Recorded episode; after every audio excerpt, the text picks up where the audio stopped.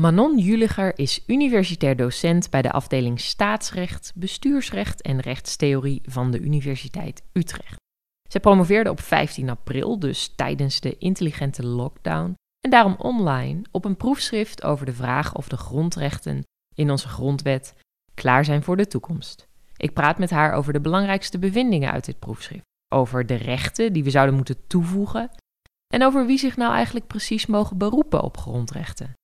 Kunnen ook overheden dat doen?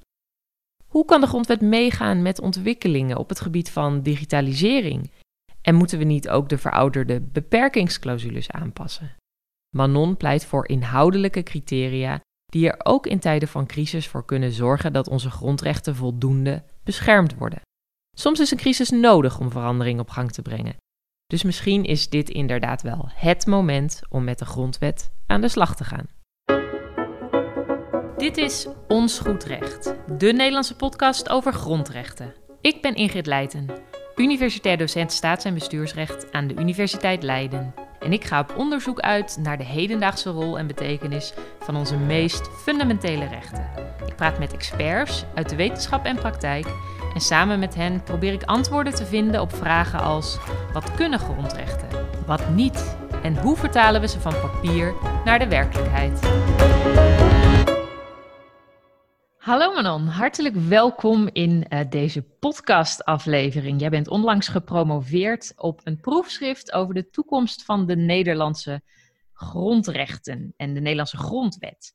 Um, het lijkt dus alsof jij wel een bepaalde fascinatie hebt voor dat onderwerp. Hopelijk is dat zo gebleven, ook na afronding van dat proefschrift.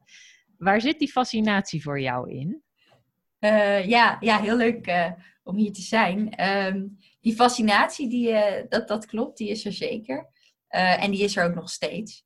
Um, ja, wat fascineert me aan grondrecht? Ik denk dat, dat, dat er twee dingen zijn waarom ik daar um, in geïnteresseerd ben. En het eerste is dat ik denk, eigenlijk zijn grondrechten die zijn overal. En um, ja, ze, ze gaan eigenlijk over zoveel. Je ziet ze in de maatschappij, politiek, recht, uh, filosofie. ze, ze zijn overal, ze komen overal samen.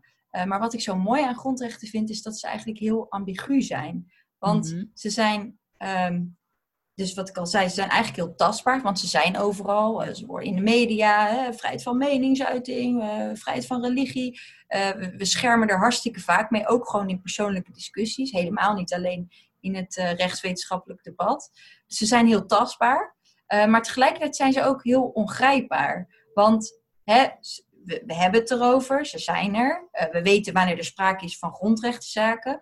Maar welke bescherming ze nou precies opleveren in een concrete zaak, ja, dat weten we eigenlijk nooit op voorhand. Dat, dat moeten we altijd een beetje uh, zoeken en dat is eigenlijk gewoon heel onzeker.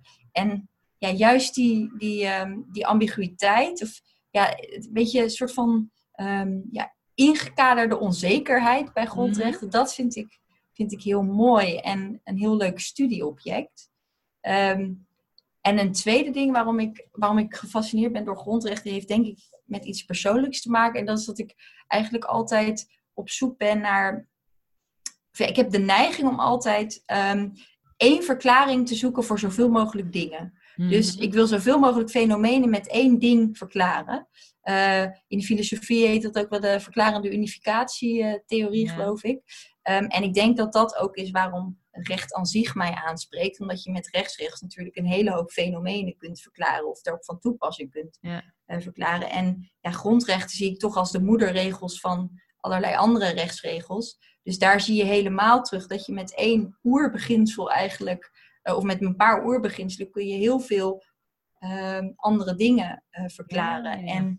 En um, ja, ze, ze brengen eigenlijk, zijn het een soort hele basale uitgangspunten die voor mij ja, eigenlijk orde in de chaos van het recht, maar ook orde in de chaos van het leven kunnen creëren. En ik denk ja, dat die structuur die grondrecht bieden, of het beginpunt van structuur die zij bieden, dat vind ik heel mooi aan, aan grondrecht. Ja.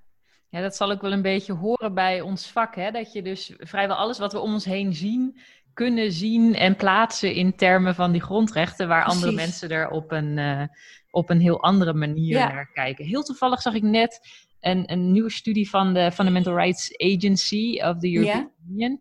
En daarin werd ook heel duidelijk dat heel veel mensen het gevoel hebben dat, dat grondrechten helemaal niet zoveel voor ze doen. Maar gewoon waarschijnlijk omdat ze die link niet zo leggen zoals wij dat. Dat zou, dat zou, heel, uh, ja, dat zou heel goed kunnen, ja. ja. Maar dat, ik denk, maar dat eventjes als, uh, als, als side note. Het is een interessant, uh, misschien ook wat, iets wat we nog moeten versterken. Hè? Dat, dat denk ik zeker, ja. ja.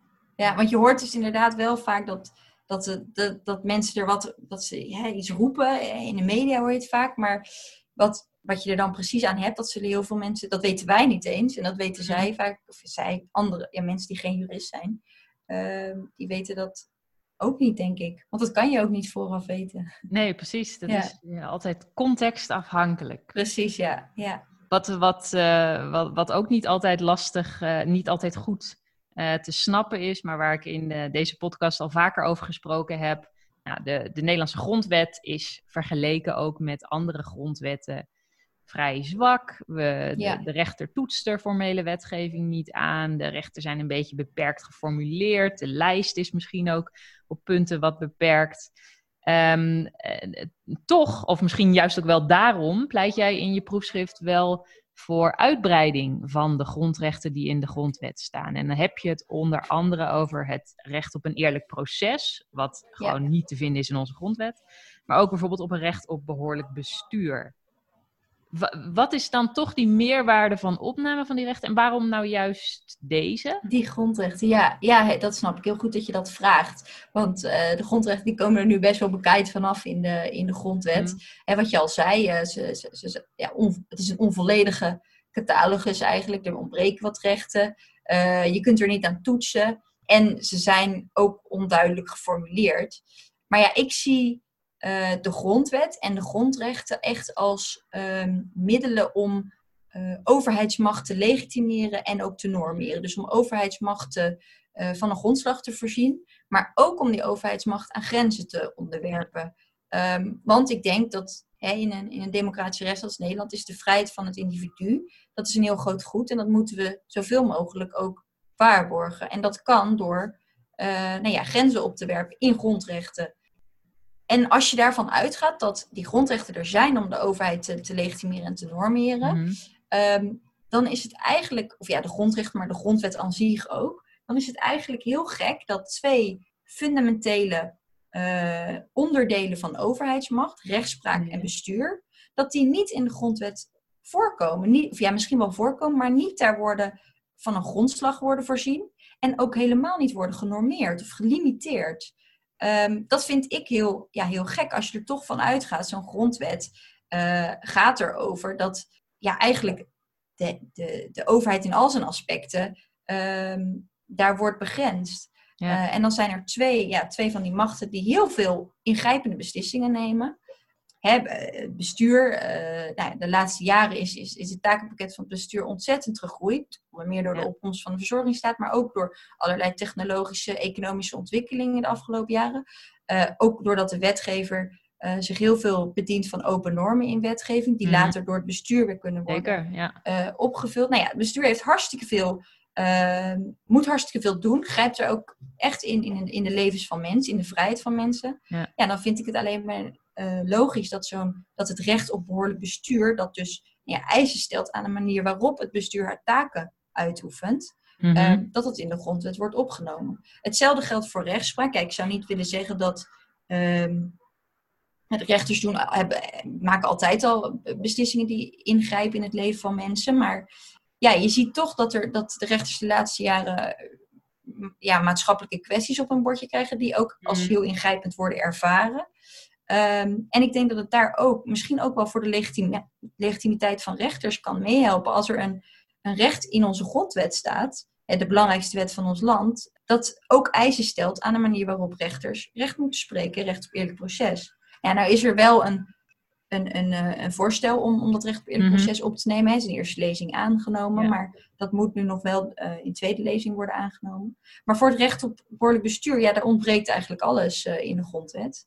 Ja. En ik denk dat dit zeker nu in, in die coronatijd zie je dat ja, eigenlijk um, de, de, de waarborgen, of in ieder geval die coronamaatregelen ja, best wel eens inbreuk kunnen maken op, op eisen die worden gesteld aan behoorlijk bestuur of eerlijk proces. Hè. Eerlijk proces, er stond, ik las net nog een nieuwsbericht over ehm, eh, ja, de, de maatregelen die de Raad van de Rechtspraak wil nemen om die achterstand in de, in de, in de rechtspraak nu weg te nemen, omdat ze zo lang hebben stilgelegen met die coronamaatregelen. Maar ja, we hebben natuurlijk gezien dat er bepaalde zittingen gingen niet door. Of ze gingen door zonder publiek. Ze waren niet openbaar. Er werd heel veel gebruik gemaakt van telehoren. Hè, dat je mhm. niet rechtstreeks de verdachte of een getuige tegenover je hebt. Maar uh, nou ja, via, via beeldverbinding of met, met alleen een geluidverbinding.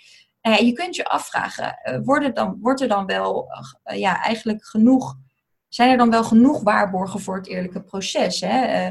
Uh, equality of arms, daar werd nog wel eens wat over gezegd. Of ja. Uh, ja, openbaarheid van rechtspraak was natuurlijk, ja, dat, dat, dat was er dan niet. Um, dus het recht op eerlijk proces, daarvan kun je zeker zeggen, dat was in het geding. Of dat gerechtvaardigd is, is in het tweede natuurlijk. Mm. Maar het was in het geding. En ik zou ook wel misschien wel kunnen zeggen van ja, het recht op behoorlijk bestuur. Um, als je bijvoorbeeld kijkt naar al die coronaboetes die zijn opgelegd de afgelopen weken, mm. omdat er op basis van, nou ja, hè, um, als bijvoorbeeld het afstandscriterium werd overtreden of verbod op samenscholing, dan werd er soms in de ene gemeente kreeg je dan een boete als je met z'n vieren bij elkaar zat. In de andere gemeente kreeg je dat weer niet, of dan werd weer een beetje losser gehandhaafd. In de ene gemeente mocht je wel een huisfeest houden, in de andere niet. En ja, dat, dat duidt wel een beetje op een willekeurige behandeling van, ja, van mensen. Ja. en dat is nou juist iets wat een recht op behoorlijk bestuur zegt, hè, overheid, verbod van willekeur. Je moet gelijke gevallen gelijk ook behandelen. Ja, dus, dus, je wil ook, ook, ook dat, dat vergaande bestuur uh, beter normeren. Nou ja, bij het recht op een eerlijk proces is het natuurlijk zo dat dat staat in artikel 6 EVRM en daar dat nemen we heel serieus. Hè? Dus dan gaat het meer om een vertaling daarvan naar onze eigen grondwet. Ik kan me heel goed voorstellen dat dat toch een meerwaarde heeft, omdat dat Zeker, ja. Nou, uh, dichterbij is nog. Ja, ja. Maar voor, maar voor het recht op behoorlijk bestuur geldt, ja, dat, dat staat ook niet in het EVRM. Ehm, nee, dat staat wel in het, uh, het Europees Grondrechtenhandvest. Mhm. Dus daar is het heel belangrijk. Nou ja, het, het Europees Grondrechtenhandvest heeft dan weer een. Daar, daar, kunnen wij ons natuurlijk ook op beroepen ehm, in, in Nederland. Alleen uh, heeft dat weer de beperking dat dat alleen maar geldt op het moment dat we hier te maken hebben met. Um, ja, uitvoering van Europese Unie regelgeving. En als dat niet aan de orde is, als het gewoon een, een, nationale maatregel is, dus nu het geval is met die coronamaatregelen, ja, dan heb je niet zoveel aan dat handvest. Ja, en wat betreft wat je zegt over het eerlijk proces, dat hebben we natuurlijk in zes in het Europees Verdrag van de Rechten van de Mens. Dus dan mhm. zou je kunnen denken, ja, waarom hebben wij dat dan nog nodig? Want daar kunnen we ons op beroepen. Maar ja, ik denk dat op het moment dat je het in je eigen grondwet hebt staan, dan kun je ook interpretaties aan, aan zo'n grondrecht geven dat niet per, dat een beetje, dat verder gaat. Dus bijvoorbeeld dan Ehm, mhm. dan, dan, dan 6 EVRM. Want ja, dat 6 EVRM moet gelden voor al die 50 staten die zijn aangesloten bij het Europees Verdrag voor de Rechten van de Mens. En ja, in Nederland kan een rechter dan ja, op Nederland toegespitste bescherming bieden op, ja, op de basis van het eigen grondrecht. Ja, ja precies. En, en nog heel eventjes over dat, dat recht op behoorlijk bestuur. Want je, je zou ook daarvan dan wel kunnen zeggen, nou ja, is dat niet eerder iets wat in de algemene wet bestuursrecht moet worden opgenomen? Maar als ik, als ik jouw verhaal daarover ook begrijp, uh, zit natuurlijk naar de meerwaarde ten eerste denk ik wel in een soort van een, een mensenrechtelijke, grondrechtelijke interpretatie daarvan. Dus uitgaande van de burger. En ook toch weer een beetje dat overkoepelende. Hè? Dat je juist ook die, die hele algemene wet uh, bestuursrecht een beetje in dat licht zou moeten uit kunnen leggen. Ik denk, ja, dus ik heb, ik, ik, ik zit er eigenlijk twee redenen in. En ik, ik redeneer vanuit eigenlijk de grondwet en vanuit het idee, uh, een grondwet hebben we om die overheidsmacht te legitimeren en normeren. En dan moet dat ook hè, een belangrijk deel van de overheid bestaan als bestuur, dus dat moet in de grondwet. Tegelijkertijd, als je het puur bekijkt vanuit, nou, hebben we dan hè, vanuit um, rechtsbeschermingsperspectief, mhm. dan zou je inderdaad kunnen zeggen, nou ja, uh, hebben we het allemaal nodig? Want we hebben ook uh, de Algemene Wet Bestuursrecht, we hebben algemene beginselen van behoorlijk bestuur waarop je jou kunt beroepen. Waarom moet dat dan nog in de grondwet? Nou ja, los van het feit dat, ja, dat is eigenlijk misschien een belangrijk punt. Als je iets in de grondwet opneemt, dan is dat, heeft dat een hele krachtige bescherming, want een norm in de grondwet is niet zo makkelijk te wijzigen. Mm um, maar ja, ik denk ook dat er uh, de, de, de normen waar we ons nu al op kunnen beroepen, bijvoorbeeld de algemene beginselen van behoorlijk bestuur, ja, dat zijn beginselen. Um, die zijn heel flexibel. en die zijn, daar, daar heb je niet zoveel rechtszekerheid. Terwijl als je het echt in een grondwet opneemt, dan is het gewoon vast. Dan kunnen we daar een bepaalde interpretatie aan verlenen. En dan um, is misschien ook een bepaalde symbolische werking. Mm. Ehm, dan geven we ook aan, we vinden het belangrijk en we vinden dat uh, deze norm moet doorcijpelen in al onze andere normen. Ja. Um, Hoewel het toch nog best ook wel een uitdaging zal zijn om concrete inhoud te geven aan een recht op behoorlijk bestuur. Of zijn daar ja. in Europa al heel veel concrete eh, aanknopingspunten voor? Uh, nou, ik denk dat, je daar, dat, je dat, uh, dat dat een heel goed punt is. Maar ik denk wel dat er bepaalde uh, noemers zijn. Hè? Dat je bijvoorbeeld zorgvuldig handelen mm. binnen een redelijke termijn. Dat dat wel noemers zijn die je kunt opnemen. Waaronder je dan weer allerlei andere kleine of wat hè, ja. beginselen van behoorlijk bestuur kunt scharen. Dat past overigens ook heel goed in de systematiek van onze grondwet. Want de grondrechten die daarin zijn opgenomen zijn sowieso wat niet zo specifiek, zijn mm. eh, toch wat, wat, wat algemene termen. Hè? Dat zie je ook nu bij het recht op eh, eerlijk proces, dat nu uh, in, in beraad ligt bij, de, bij het parlement. dat zijn toch algemene normen en er wordt niet elk specifiek deelrecht benoemd. Ja. Um, dus ja, dat, maar dat is inderdaad een, ja, een punt. En in die zin zal het ook veel symbolische werking hebben, denk ik, om zoiets op te nemen. Ik, ik, wil eventjes uh, naar, naar een ander puntje van jouw uh, proefschrift. Onder het kopje multi-actoralisering. Uh, klinkt wel heel spannend. Um, als we het hebben over de, de actoren waarvoor grondrechten relevant zijn, dan hebben we het vaak over nou, eerder de vraag wie moet er beschermen? In, in de zin van hè, horizontale werking. Ook jouw werkgever moet jouw grondrechten respecteren en mag niet discrimineren, om, om een bekend voorbeeld te noemen. Maar bij jou gaat het ook juist om de vraag naar wat voor actoren mogen zich nou op grondrechten beroepen? Ja. hoe zit dat? Ja. ja, dat is inderdaad een, ehm, een, een aspect. Ja, dat, de vraag van welke actoren zich mogen beroepen op grondrechten, dat betreft eigenlijk het, het, uh, het leerstuk van de personele rijkwijde van grondrechten. Mm en van oudsher wordt eigenlijk altijd aangenomen dat, uh, ja, als, ja, dat grondrechten er zijn voor het individu, om ter bescherming tegen de grote machtige overheid.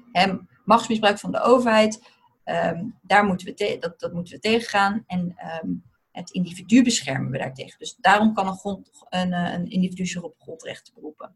Maar je ziet dus dat de laatste jaren dat, dat er ook steeds meer andere actoren, en dan bedoel ik met name overheden zelf, overheidsorganen mhm. of private bedrijven, dat die zich ook willen beroepen op grondrecht. En dat hij daar wel eens een poging te doen en dat hij soms ook nog wel eens wordt toegewezen. Private bedrijven is dat al langer zo, maar overheidsorgaan, dat is echt nu, ja, dat, dat vraagstuk begint nu echt te leven. Dus die panelen een beetje aan het verschuiven zijn geraakt van wie kan zich nou op die grondrechten beroepen. Ja.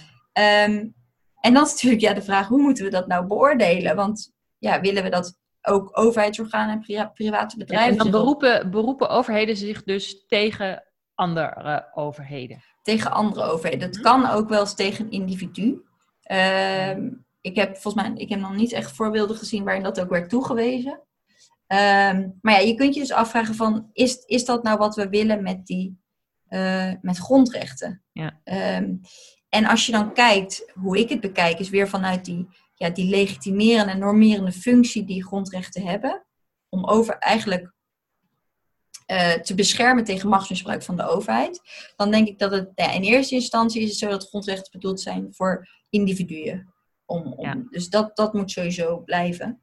Um, tegelijkertijd denk ik dat als je dat perspectief van beschermen tegen machtsmisbruik van de overheid uh, als, als, als basis neemt, ja, dan is het in sommige gevallen ook best wenselijk dat private bedrijven of zelfs overheidsorganen zich beroepen op grondrechten. Mm Niet alleen omdat uh, private bedrijven en overheidsorganen soms wel eens zich op een grondrecht kunnen beroepen om individuen die zij vertegenwoordigen eigenlijk te beschermen. Dus bijvoorbeeld een vereniging is, ja, of een, um, een gemeente kan zich wel eens beroepen op een grondrecht om eigenlijk zijn inwoners te beschermen. Dus dan denk ik, ja, dan bescherm je eigenlijk het individu. Dus dan zou het best wenselijk kunnen zijn dat zo'n actor zich Ja, en, en, dan kan het gaan over een situatie waarin die gemeente van uh, een andere bestuurslaag gedwongen wordt om iets te doen of niet precies. te doen. Ja, dat, en dat is, dat is precies ook een situatie waarin ik denk dat is goed om je te beroepen op uh, grondrecht. Bijvoorbeeld uh, als een overheid in conflict is met een hogere overheid bijvoorbeeld. Ja. ja, dan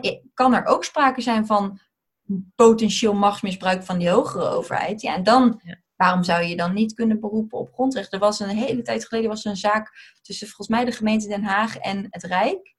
Mhm. Waarin uh, de gemeente Den Haag vond dat zij wel werd beperkt in haar recht om naar de rechter te stappen. En Mhm. die beriep zich toen in de procedure uh, uh, op het recht op eerlijk proces uit onder andere het EVRM en het handvest.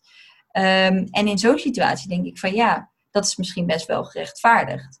Tegelijkertijd in een andere, andere situaties, waarin bijvoorbeeld een, een bedrijf zich alleen maar beroept op een grondrecht uh, om zijn eigen economische positie te mm. versterken. Of ja, een, een overheid als die zich beroept op grondrechten in, in, in, een, in een zaak tegen een individu. Ja, dan denk ik, dan gaan we grondrechten gebruiken voor iets dat misschien niet zo heel wenselijk is. Ja, ja en dan is misschien um, het toepassen van grondrechten uh, niet aan de orde. En om nou daarin te kunnen laveren, zou het misschien een oplossing kunnen zijn om grondrechten niet direct, van, echt een directe grondrechtenbescherming uit dat recht, echt voor te behouden aan het individu. Maar private actoren en overheidsorganen wel een beroep te kunnen laten doen op de beginselen die achter die grondrechten liggen. Mhm. Uh, want beginselen zijn toch iets flexibeler, die kunnen variëren naar gelang de omstandigheden verschillen.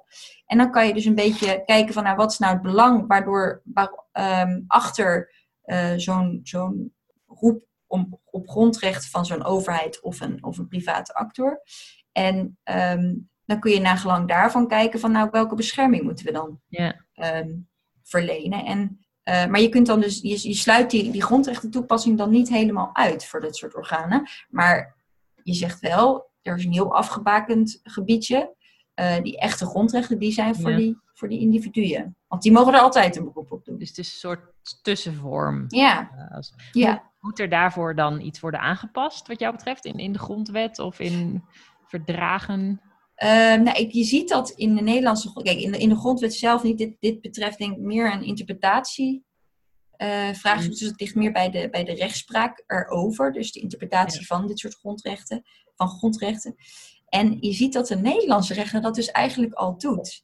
Um, en dan meer als we het hebben over als de Nederlandse rechter bijvoorbeeld Europese grondrechten toepast, het EVRM of het handvest, dat ze dan als, als dit soort situaties, onder andere de situatie die ik net noemde van die, van die gemeente Den Haag die uh, met die andere overheid in, uh, in geding, een geding had, dan zag je dat de rechter daar zei, nou, uh, rechtstreekse toepassing van artikel 6 EVRM of 47 handvest, dat hoeven wij hier, gaan we hier niet over oordelen, Mhm. mm. want de beginselen daarachter die zijn al, um, uh, uh, die kunnen we al van toepassing verklaren en op basis daarvan ja. kunnen we zeggen dat, dit en dat en dat. Dus in die zin denk ik dat dat een hele wenselijke oplossing is, die, ja, ik denk eigenlijk uh, nu al heel Ja. goed is. Ja, Interessant. ja. Een, een, een ander, uh, ook heel interessant onderwerp, dat hebben we ook de afgelopen maanden allemaal weer, weer gemerkt. Digitalisering neemt een enorme vlucht. Nou, je, je had het al over hoe processen plaatsvinden.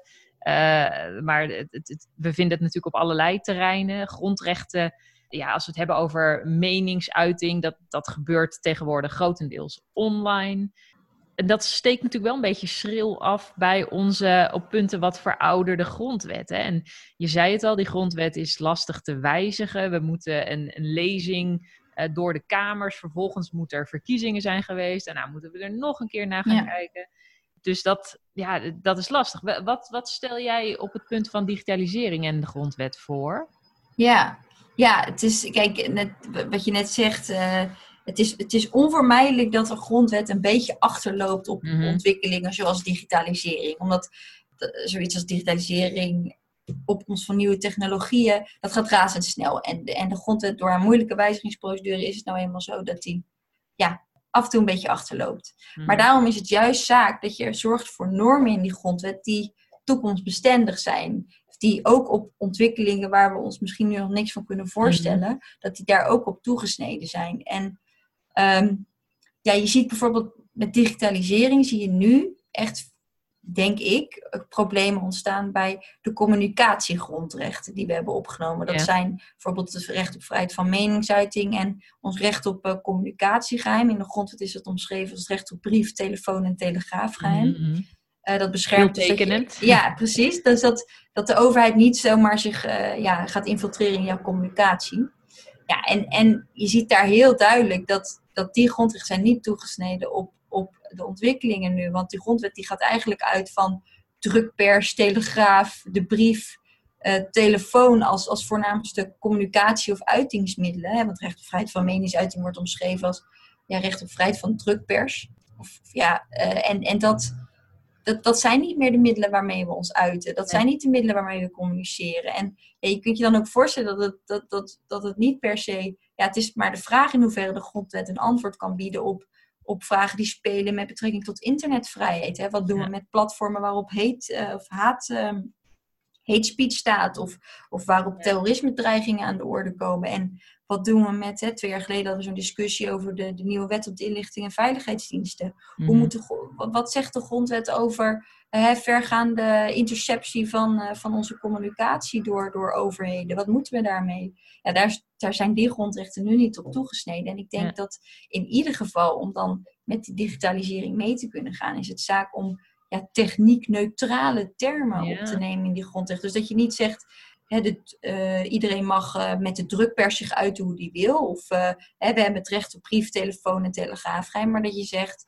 de vrijheid van meningsuiting wordt beschermd. Ja, en dat je dat dus ook Los van... in e-mail of zo. Want nee, nee, nee, want we weten niet. Wat gaan we, misschien over twintig jaar gaan we wel met een heel nieuw iets communiceren. Of gaan we het helemaal anders doen met chips of zo, weet ik het. Maar ja, dat, dat moeten we, willen we eigenlijk wel toekomstbestendig maken. Dus ik zou zeggen, ja, hou dat techniek neutraal. Haal die ga, ga die bescherming niet verbinden aan een bepaalde techniek. Dus dat is één ding, denk ik, om, om, je, om, om, om met die digitalisering om te kunnen gaan. Een andere is, denk ik, en dat is, dat is een wat breder punt, is dat uh, de grondrechten in onze grondwet die hebben nu geen inhoudelijke beperkingscriteria opgenomen. Mm hè, in principe, die grondrechten die, die mogen beperkt worden. En uh, de enige vereiste dat eraan wordt gesteld is dat de formele wetgever dat doet. En dan heeft de wetgever eigenlijk vrij spel. Nou ja, Dat, is, dat is kwalijk, omdat je ziet dat uh, vooral een advies van de Raad van State, maar ook de rechter, die, die fluit de wetgever geregeld terug als het gaat om proportionaliteitseisen mm eisen, of, of eisen van subsidiariteit. Waren er misschien hè, minder ingrijpende maatregelen die je had kunnen nemen om dit grondrecht te beperken, of noodzakelijkheidseisen. En um, dat speelt, denk ik, vooral ook bij digitaliseringskwesties. Ja. Uh, daar zie je dat dat toch telkens uh, ja, de wetgever wordt teruggefloten, omdat er niet genoeg is gekeken naar dit soort inhoudelijke beperkingsvereisten. Bijvoorbeeld uh, recente uitspraak over de Siri-wetgeving, waarin mm -hmm. dat Siri-fraudesysteem, waar de rechter zei van, nou ja, dat is niet proportioneel.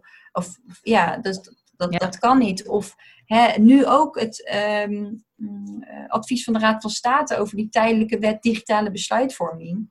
Ja, daar kijk, zegt de Raad van State ook van ja, maar kijk nog wel even naar of je hebt bijvoorbeeld geen vervalregeling van deze wet, uh, geen, geen mhm. duidelijke vervalregeling opgenomen. Is dat wel noodzakelijk? Dus weer wordt gewezen op zo'n zo'n inhoudelijk beperkingsvereiste. Ja, want dit is ook sluit wel aan bij de realiteit dat die digitalisering hou je niet tegen. Het feit dat nee. onze data wordt gebruikt, dat er inbreuken zijn op privacy, dat is een realiteit. En dan is dus niet de vraag of het mag en of de wetgever het mag doen. Ja. Uh, hoe ver daarmee? Hoe ver mag je gaan, ja. En, en, ja, dat is natuurlijk niet iets dat je, dat je op voorhand kan vastleggen, maar dat, daar moet je wel een bepaald beoordelingscriterium voor meegeven, denk ik. En ja, dat, dat, dat is nu in de grondwet nauwelijks gewoon eigenlijk niet opgenomen. Bij, al de, bij alle grondrechten, niet alleen de communicatiegrondrechten. Nee, en, misschien nog wel goed om daar even inderdaad bij te zeggen. Dat is echt bijzonder in Nederland. Want proportionaliteit is wereldwijd uh, binnen de rechtspraak van het uh, eh, EARM het, het criterium, de manier ja. waarop grondrechten Klopt. worden uitgelegd. Ja. Ja, en dat was toen, toen hè, de, de grondrechtencatalogus in 1983, geloof ik, werd die voor het laatst groot herzien. Ja, toen was dat misschien ook nog niet in Europa of hè, in Nederland was, was die beperkingssystematiek van die Europese grondrecht niet zo bekend, werd nog niet zo vaak toegepast. Dus toen was het heel gerechtvaardigd. Dat werd gedacht van, nou, wat moeten we daarmee? Maar ja, nu is dat gewoon, dat, ja, dat is niet meer aan de orde. Dat, moet, dat, dat is zo verouderd nu. Ja, ja, ja het, ik blijf het gek vinden. De belangrijkste rechten die we hebben, die zijn zo verouderd in het belangrijkste rechtsdocument in Nederland. Ja. Dat is eigenlijk, eigenlijk heel erg gek. Ja. En, en tegelijkertijd zijn die, die rechten juist de afgelopen tijd belangrijker dan ooit gebleken. Precies. Jouw, uh, jouw proefschrift uh, verdedigde je op, op 15 maart, als ik het goed heb. En 15 april. 15 april. En uh, nou, toen kwamen we er middenin te zitten ja. natuurlijk. dat maakt jouw verhaal natuurlijk alleen maar relevanter. Wat, wat zou nou een les zijn? Ja, het, het, heeft misschien ook wel te maken met die, met die beperkingsmogelijkheden. Maar Zeker, ja. echt in tijden van corona en vergaande grondrechtenbeperkingen nog zou willen benadrukken? Ik denk dus, wat, wat ik zeg, van ja, het, het, het, is heel erg van belang dat, dat die inhoudelijke beperkingscriteria, dat, mm. dat grondrechten daaraan worden afgemeten, grondrechteninbreuken daaraan worden afgemeten. Um, maar um, ik denk ook dus dat we de grondrechtencatalogus moeten uitbreiden. En dat staat eigenlijk ook los van die coronamaatregelen. Mm uh, omdat ook los van die coronamaatregelen er ontwikkelingen zijn, er uh, van alles verandert in de, in de samenleving. Uh, waardoor de grondwet, dat bij uitstek een document dat sturing of houvast moet bieden in moeilijke tijden, dat gewoon niet meer kan. En dat zien we eigenlijk nu. In die, hè, die moeilijke tijden zijn eigenlijk. Ik weet nog in mijn proefschrift, ik, zeg ik ook, en volgens mij ook uh, naar aanleiding van discussies daarover, zeg ik van ja, we moeten het dak repareren als het droog is, als de zon schijnt. Dus mhm. voordat die echte moeilijke tijden komen, moeten we zorgen dat die grondrechten uh, ja, klaar zijn voor de toekomst, hè, zodat ze ons kunnen bijstaan. Nou, en bam, het is nog niet, ik heb het nog niet gezegd, of de hel breekt los. En nou ja, het blijkt dat onze grondrechten, ja, hebben, we hebben, alle, we hebben nood, noodverordeningen gehad nu die ja, toch eigenlijk niet in lijn zijn met de grondwet. Ja. Met de grondrechten daarin. Er komt nu een spoedwet aan waar, waar toch ook veel kritiek op is, al voor, op voorhand. We, moeten even, ja, we moeten natuurlijk nog zien wat er, wat er uitkomt. Maar ja, het, het lijkt soms wel alsof die grondrechten niet helemaal serieus worden genomen. En dan wil ik niet iedereen napraten of zo die zegt van ah, de grondrechten, de grondrechten alleen maar om eigenlijk kritiek te leveren op op de maatregelen zelf. Want dat gebeurt ook, dat de vorm heel erg wordt gebruikt nu om kritiek op de inhoud te leveren. Dat vind ik niet terecht, maar ja, ik denk wel, we hebben dan een, we doen er heel dik over, hè, grondrechten, grondwet. Maar als je ze zo makkelijk de procedure die die, die, die grondrechten voorschrijven opzij zet, ja, dat vind ik, dat vind ik gek.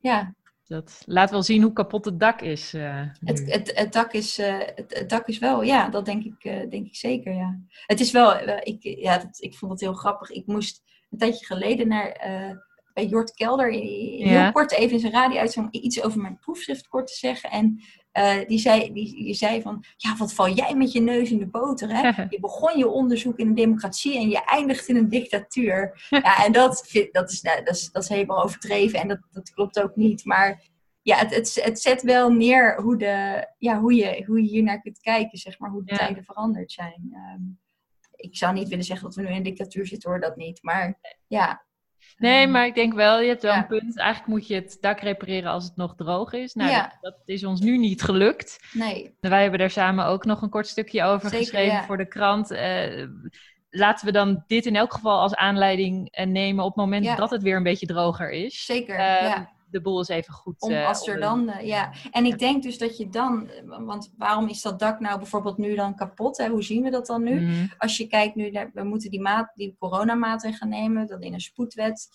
Ik denk dat je bijvoorbeeld zo'n spoedwet, dat je dan heel veel kunt hebben aan die inhoudelijke beperkingsvereisen die je ja. uh, oplegt als grondrecht beperkt gaan worden. Als je die hè, uh, criteria van proportionaliteit, noodzakelijkheid, voorzienbaarheid, hè, weten burgers waar ze aan toe zijn. Als je gewoon zo'n lijstje uh, elke keer uh, in zo'n spoedwet meegeeft aan een minister van, tuurlijk, hè, jij mag nu um, je mag maatregelen nemen, mm -hmm. maar ga elke keer even dat lijstje af en kijk van is dit aan de orde en desnoods maak je daar een verslagje van, dat stuur je naar het parlement en het parlement gaat kijken of ze ja, daarmee ja, eens zijn. Motiveer het ook in die termen. Motiveer het in die termen. Nou, ik denk dat je, dat je dan al zoveel hebt gewonnen. Ja. Ja, en da dus daar kunnen die, die, die beperking, die inhoudelijke beperkingsvereisten heel erg bij. Zelfs, zelfs zonder, en dat is de hamvraag, zelfs zonder dat we het toetsingsverbod afschaffen, helpt dat? Ik denk het wel, ja. Want uh, dat is ook, ja, natuurlijk toetsingsverbod. Ik denk dat ik zal de eerste zijn die uh, voorop staat als, als er pogingen zijn om dat af te schaffen. Denk van, nou, yes, gaan we doen. Ja, ja. Maar ook zolang dat nog niet het geval is, denk ik dat, ja, dat we niet alles moeten afschuiven op toetsingsverbod. Van, ja, maar we hebben toch toetsingsverbod, dus grondrechten, daar, daar, daar kunnen we niet zoveel mee. Ik denk dat die grondrechten in onze grondwet ook heel relevant kunnen zijn zonder, of met dat toetsingsverbod. Omdat, nou ja, dat toetsingsverbod geldt eigenlijk alleen maar voor de rechter. Ja. Dat geldt niet voor de wetgever. Dus als de wetgever uh, nieuwe wetten maakt, dan moet hij zelf toetsen aan de grondwet. En dat de Raad van State als belangrijkste wetgevingsadviseur moet, moet dat ook doen. Mm -hmm. uh, dus ja, de wetgever wordt wel degelijk genormeerd door de grondwet en de grondrechten daarin. En daarbij, kijk, alleen wetten in formele zin, dus wetten die gemaakt worden door, de, door het parlement, mogen niet het parlement en de regering mogen niet getoetst worden aan de grondwet. Ja. Maar allerlei andere regelgeving of, of overheidsbesluit. Of hè, bijvoorbeeld als jou een boete op, opgelegd krijgt omdat je een coronamaatregel overtreedt. Mm -hmm. Dat zijn bestuursbesluiten die, uh, die wel getoetst kunnen worden aan de grondwet. Of feitelijke overheidshandelingen. Een ministeriële regeling bijvoorbeeld, die mag Ja. wel getoetst worden aan de grondwet. Dus des te meer relevant. We, we kunnen straks als zo'n minister inderdaad ehm, op basis van een spoedwet een ministeriële regeling maakt waarin die eh, extra maatregelen vormgeeft. Die kunnen we toetsen aan de, aan de grondrechten in Ja. de grondwet. Dus ik denk dat, dat zeker ook met het toetsingsverbod Mhm. ehm, die grondrechten relevant kunnen zijn. Ja, als we dat dus vaker doen en daarbij goede inhoudelijke eisen gebruiken. Ja, Zeker. ja en inderdaad, het punt wat je ook maakt, denk ik ook heel belangrijk. Eh, op het moment dat we het alleen maar weer gaan hebben over toetsing door de rechter, dan verkleurt dat ook gewoon het Precies. beeld weer. ja, Van grondrechtentoetsing is iets, iets door, Ja. van de rechter en de rechter Ja. gaat over grondrechten. precies. Ja. ja, het is een, soort van, het lijkt het een beetje consumentisme. Van, eh, alleen, we kijken alleen maar naar grondrechten vanuit het perspectief van wat hebben we eraan als we ze echt nodig hebben. Hè? Als, als persoon die staat voor de rechter, Mhm. je wilt inroepen, kan niet. Terwijl je kunt het ook zien als vanuit een ja, meer overkoepelend, dat grondrechten ook van bovenaf al, voordat jij in een situatie verzeld raakt waarin je een grondrecht wilt inroepen, al vooraf eh, hun werking hebben. En Ja. ik denk dat grondrechten daar ook heel belangrijk zijn. Juist bij het tot stand komen van de regels waar we Precies. uiteindelijk mee te maken krijgen. Ja, Ja, mooi. Ehm, ja. Heel veel eh, belangwekkende inzichten dus in, jouw eh, in jouw proefschrift. Eh, ik ben heel benieuwd wat er de komende jaren allemaal van terecht gaat komen. Maar één doel lijkt me in elk geval de discussie weer flink op gang Zeker, te brengen. Ja, ja Heb ze, jij- zeggen wel, ze zeggen wel vaker dat de grondwet een crisis nodig heeft om gewijzigd te worden. Ja, dus wie weet, wie weet. we zullen het zien. Heb jij ter afsluiting van, van dit interview nog iets wat je kwijt wil? Wat ik kwijt wil. Nou ja, wat ik dus denk is dat we eh, ehm, nu op een, op een soort kantelpunt zouden kunnen Mhm. staan. eh, waarin we die grondrechten veel meer betekenis zouden kunnen gaan geven. Ja. Ehm, en natuurlijk is het zo van dat, dat we daarvoor, als het toetsingsverbod afgeschaft zou kunnen worden, dan is dat echt eh, heel, ja, eigenlijk een hele belangrijke stap om die grondrechten echt hun, hun bescherming te kunnen laten verlenen zoals ze die potentie hebben. Ja. Ehm, maar los daarvan denk ik dat we ook zonder dat afschaf van het toetsingsverbod die grondrechten veel meer potentie kunnen geven door en nieuwe grondrechten in die catalogus op te nemen in hoofdstuk Ja. 1 van de grondwet. Recht op eerlijk proces, recht op ordelijk bestuur. Maar er zijn ook andere rechten. Recht op leven bijvoorbeeld is er niet in opgenomen. Dat we de grondrechten die we hebben techniekneutraal en duidelijk moeten formuleren. Hè, zodat Ja. we ook echt weten wat er staat. En dat het niet al- a- abracadabra is. Want dat is het nu met sommige grondrechten.